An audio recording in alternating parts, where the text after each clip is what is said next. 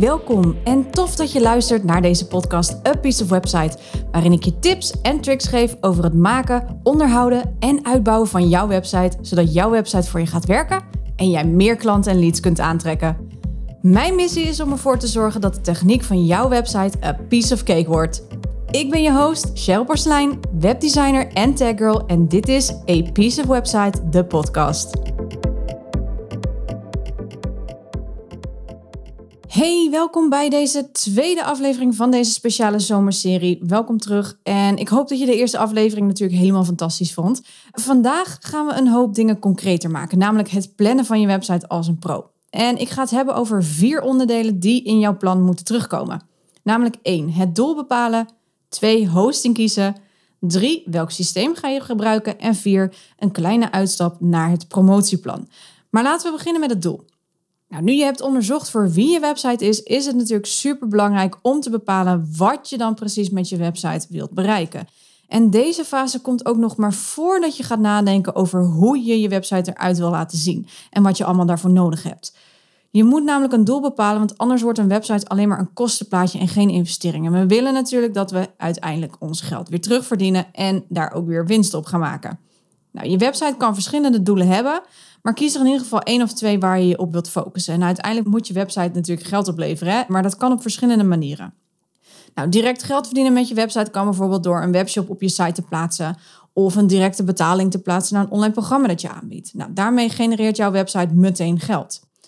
Een andere manier is om eerst je e-maillijst op te bouwen of om eerst een intakegesprek met iemand te doen in plaats van direct te laten betalen. Je hebt er dus eigenlijk nog een stap tussen voordat iemand overgaat tot een aankopen. Nou, doet deze persoon dat, dan heb jij dus alsnog via je website je omzet binnengehaald. Een e-maillijst is sowieso een must voor elke ondernemer. Hè? Want social media is niet van jou, wat ik in de eerste aflevering natuurlijk al had verteld. Een e-maillijst daarentegen dus wel. Met een e-maillijst kun je namelijk een relatie opbouwen met de persoon op jouw lijst. En uiteindelijk zal deze persoon klant worden. Soms duurt het een maandje, soms duurt het drie of misschien langer. Maar het hangt er ook een beetje vanaf welke waarde jij levert en hoe gemakkelijk je relatie opbouwt met iemand. Het doel bepaal je dus geheel afhankelijk van hoe jij aan je klanten wilt komen op dit moment. En ook hier geldt, als je er nu voor kiest om je e-maillijst op te bouwen, wat overigens altijd een goed idee is, betekent dat niet dat je niet over een jaar je website kunt herinrichten om je websitebezoekers bijvoorbeeld zich meteen naar het online programma te sturen en daar zich voor laten inschrijven. Dat kan allemaal. Het ligt nooit vast. Jij groeit, je onderneming groeit, je website moet met je meegroeien. Maar maak je doel wel meetbaar. Als jouw doel is dus meer leads genereren, dus bijvoorbeeld uh, in contactmomenten, op welke manier wil je dat dan doen? Je kunt denken aan mensen meer je contactformulier laten invullen. Dus dat je mensen direct doorstuurt naar je contactpagina en daar een formulier laat invullen om contact met je op te nemen. Of je wilt bijvoorbeeld dat iemand een afspraak eh, direct in je digitale kalender kunt inboeken. Maar hoeveel moeten er dat zijn? Dus hoeveel van die mensen die op je website komen, van die websitebezoekers, moeten dus naar dat contactformulier of die digitale kalender gaan? Hoeveel zijn dat er? En wat voor soort leads moeten dit dan zijn? je kunt wel aangeven dat je meer mensen contact met je wilt laten opnemen via die pagina of dat je via je digitale kalender meer laat, uh, afspraken laat maken. En als dat gebeurt, dan heb je natuurlijk ook wel leads, maar hoe kwalitatief zijn die? Dus bepaal voor jezelf ook wat voor soort leads je wilt en wanneer zijn ze kwalitatief, zodat jij niet je tijd verdoet aan iedereen die maar een kop koffie met je wilt drinken, want daar heb je gewoon echt geen tijd voor. Die leads moeten uiteindelijk betaalde klanten worden. Dus het is heel belangrijk dat je niet alleen gaat bepalen: oké, ik wil meer leads, maar hoeveel moeten er dat dan zijn en hoe moeten die leads er dan uitzien of wat moet dat uiteindelijk opleveren? Met andere woorden, meten is weten en daarover in de launch aflevering veel meer. Nou, next up, hosting. Nadat je een doel hebt bepaald voor je website, ga je aan de slag met de eerste stap van je website, namelijk het kiezen van een hosting. Nou, de hosting is waar je je domeinnaam kiest. Dus bijvoorbeeld zoals mijn website www.cprecision.nl of www.apieceofwebsite.nl. En er zijn heel veel verschillende hostingpartijen. En als je niet weet waar je op moet letten, ja, dan is het eerste wat ondernemers doen vaak de goedkoopste nemen. Uh, helaas is goedkoop vaak duurkoop in ons, uh, in ons hostingsland, om het zo maar even te noemen. Uh, dus hou daar wel even rekening mee. Nou, en waarom is hosting zo belangrijk? Een goede hosting kan eigenlijk je website maken of breken. Dat klinkt heel heftig, maar ik heb er genoeg helaas ervaring in om te beseffen dat dat zeker wel het geval kan zijn. Want sommige hostings hebben een te slechte beveiliging en zijn dus gevoelig voor hackers. Andere hostings hebben problemen met andere beveiligingsmechanismes, waardoor je bijvoorbeeld je website niet goed kunt updaten of je bepaalde dingen niet kunt uploaden, zoals foto's of video's. En het kan ook enorm effect hebben op de snelheid van je website. En dat soort irritatiepunten wil je gewoon voorkomen. Ja, omdat je daar echt niet over na wilt denken of dat je je tijd aan brandjes blussen wilt besteden. Want ja, daar heb je het als het goed is gewoon veel te druk voor. En daarom adviseer ik altijd investeer in een goede hosting. En mocht je hier nou alles over willen weten, check dan even aflevering 15 van deze podcast. Daar heb ik een eh, uitgebreide aflevering over staan. Nou, uiteraard geef ik je een paar tips van de hostings die ik aanraad. De hosting waar je je website onder wilt brengen, heeft vaak een aantal soort pakketten. Er zijn een paar uh, hostings die ik aanraad uh, en hun partijen. En ik heb daar een aantal pakketten van vergeleken en natuurlijk ook zelf uitgetest. En ik geef je vier pakketjes uh, waarvan ik denk, ja, die werken gewoon echt heel erg goed. De eerste is natuurlijk hosting. Natuurlijk hosting is een partij waar ik al heel lang mee samenwerk, waar ik ook ben overgestapt en waar ik mijn klanten ook uh, op uh, ja, adviseer. Deze natuurlijk hosting heeft een pakket en dat heet Groene Hosting Zorgeloos. Ik ga je straks alles vertellen over natuurlijk hosting. Nou, wij we hebben ook nog de hosting Trans IP en daar zou ik het pakket WordPress Hosting Pro aanbevelen. Hebben we nog Antagonist, die staat redelijk hoog op het lijstje bij mij. Dat is uh, het pakket WordPress Pro plus WP, zo heet het pakket. En dan hebben we nog bij one.com, dus one.com, uh, daar raad ik het expert pakket aan. Um, en deze pakketten die voldoen zeg maar, aan de eisen voor een snelle website, een redelijke beveiliging um, en ook dat je bijvoorbeeld de backups bij krijgt en zo. Want dat is ook wel heel erg belangrijk. Bij alle hostings die ik hier aan heb geraden trouwens zit wel een uh, website hosting met WordPress erop. Dus dan, uh, dan weet je dat. Nou, je bent uiteraard vrij in het kiezen van een hosting. Maar uit ervaring en wijze lessen, zoals ik al zei, ben ik uiteindelijk overgestapt naar de partij Natuurlijk Hosting. Waar ik nu een aantal jaar al echt heel fijn mee samenwerk. En dat heb ik besloten omdat één, je hebt direct persoonlijke contact. Als er problemen zijn, ben ik dus één telefoontje verwijderd van een directe oplossing. Het is een klein bedrijf, dus er zitten geen tussenpersonen bij. Er zit een hele goede basisbeveiliging op en ook spamfilters voor je e-mail. Het is een Nederlands bedrijf, wat, wat ik heel erg prettig vind, want ook al spreek ik heel goed Engels, technisch Engels kan voor velen toch echt wel ingewikkeld zijn. Zo ook voor mij. Ik kom er wel uit, maar het gaat heel veel tijd overheen. Dus een Nederlandse hosting is wat dat betreft voor mij een stuk fijner. En ook voor mijn klanten, omdat ze zelf ook dus contact kunnen opnemen met deze partij. En het voordeel daarvan is ook, er zit geen ticketsysteem bij. De meeste hostings, dus TransIP, Antagonist en One.com, die hebben een ticketsysteem. Dus als jij een probleem hebt, dan moet je via hun website een ticket aanmaken, daar je probleem gaan beschrijven en vervolgens hopen dat je binnen 24 uur ja, antwoord krijgt. En dat er een oplossing is of dat je weer terug moet vragen stellen of beantwoorden. Dus ik vind dat heel erg fijn dat ik zo'n korte lijn heb met deze partij. Daarnaast zit er gratis installatie van WordPress op, wordt allemaal voor je geregeld, krijg jij de inloggegevens en kun je meteen aan de slag. Plus er zit een gratis verhuisservice op. Dus als jij besluit om van een ene hosting eh, naar natuurlijk hosting te verhuizen, dan hoef je maar een paar dingen aan te leveren bij hem. En vervolgens zet hij alles voor jou gratis over. En hoef je ook niet op of om te kijken naar technische shizzle. En ook niet dat je website offline gaat. Want dat kan soms wel eens voorkomen bij een hostingverhuizing. Dat je website offline gaat. Bij hem is dat niet het geval. Dus in ieder geval leg je URL alvast vast. Je kunt er dus voor kiezen om je naam in de URL te verwerken of uh, zoals ik het heb, mijn bedrijfsnaam.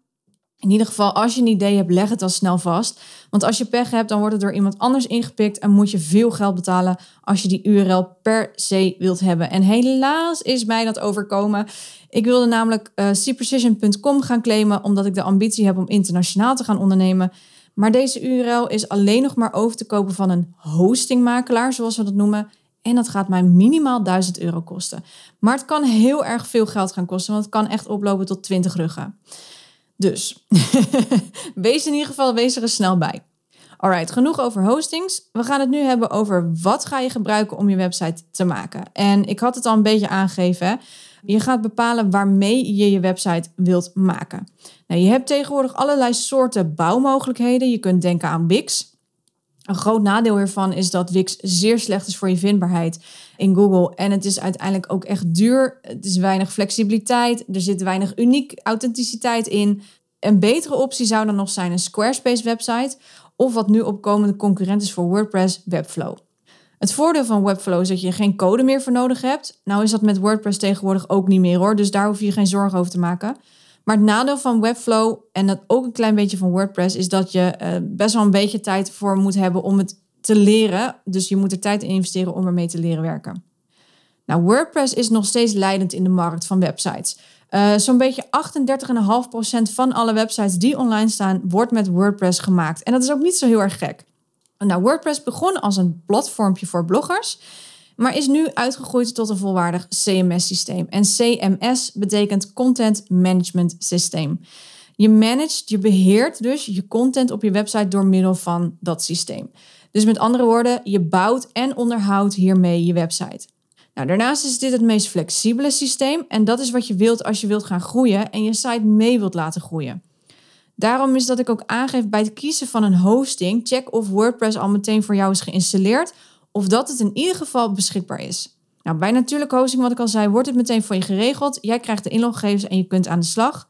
Bij andere hostings, dus bij One.com, bij Antagonist, daar zit er vaak een one-click installatiemogelijkheid bij. En eigenlijk wat dat betekent is dat je met één klik WordPress via jouw hosting kan installeren. Het is niet heel ingewikkeld, maar het vereist iets meer skills. En als je denkt van nou, ik wil dat zelf niet doen, kun je altijd je hosting vragen of zij het voor je installeren. Of je kunt natuurlijk een webbouwer dat voor je laten doen. Of je kunt vragen of er eventueel een goede handleiding bij uh, beschikbaar is, zodat je de stappen kunt volgen die zij uh, willen dat je zet. maar zoals je merkt, ik adviseer dus echt WordPress website. En waarom is dat? Je kunt namelijk gemakkelijk uitbreiden op lange termijn. Dus dat betekent dat je website met je mee kan groeien. Nou, in de aflevering beeld gaan we hier wat dieper op WordPress in. Dus uh, voor nu mag je het heel even nog uh, alleen kiezen als platform. Over de rest mag je het even links laten liggen. Maar goed, daarom is het nu dus wel heel belangrijk dat je goed een doel gaat bepalen. Om te kijken ook wat je in de toekomst eventueel nodig hebt.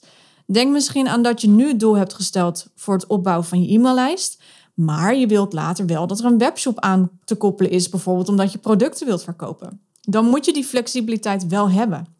Ga vooral ook even vergelijken. Misschien hoor je mij nu WordPress zeggen, maar misschien vind jij dat wel helemaal niks. Kijk dan of Squarespace of Webflow juist iets voor jou is. Vergelijk altijd alle mogelijkheden en kies vooral wat goed voelt en zorg dat je op voorhand weet welke uitbreidmogelijkheden er zijn. Nou, Wix zou ik dan niet aanraden, zoals ik al zei in het begin. Die is gewoon echt het minst flexibel. Alright, dan het laatste. Het stukje promotieplan waar ik even heel kort op inga, is wat je in deze planfase ook kan gaan doen, is alvast een promotieplan gaan maken. Wanneer is je deadline? Wanneer gaat je website live en hoe ga je dat brengen bij je volgers en potentiële klanten?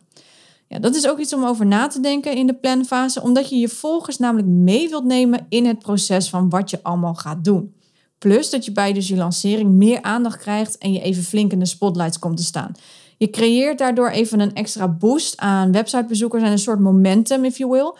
Ehm, en misschien dus ook al wel meteen klanten. Nou, daarbij kun je ook nog eventueel een leuk introductieaanbod bedenken. Alles daarover vertel ik in de aflevering uh, Launch. Ehm, maar het is in ieder geval wel interessant om dit op te nemen in je plan. Dus maak er gewoon wat moois van. Alright, kleine recap. Bepaal dus eerst je doel. Wat wil je met je site bereiken? Hoe moet het eruit zien? Maak je doel meetbaar. Daarnaast kies een goede hosting en leg je URL zo snel mogelijk vast. en kies ook een systeem die je het meest fijn vindt werken. Dus WordPress, Webflow of Squarespace. En kijk naar welke uitbreidmogelijkheden er zijn voor in de toekomst. En als laatste, maak een plan voor je lancering. Bepaal een deadline en neem je volgers mee in het proces, zodat je momentum kunt gaan creëren. Alright, voordat ik deze podcastaflevering afsluit, heb ik nog één ding wat ik met je wil delen. Jij kunt namelijk kans maken op een gratis website-analyse ter waarde van 247 euro. Nou, hoe maak je kans? Op mijn Instagram pagina @cherylporselein vind je een post over deze winactie. En onder deze post mag je het volgende plaatsen: jouw website URL, wat het doel is van jouw website, welke inzicht je hebt opgedaan uit deze podcastserie. En uh, ja, je hoeft niks te delen of te liken. Uiteraard mag dat, maar uh, het zou ik ook heel erg leuk vinden, maar voel je daar vooral niet verplicht toe. Ik geef twee website-analyses weg en de winnaars worden op 27 augustus 2021 bekendgemaakt. Succes en tot de volgende keer. Doeg!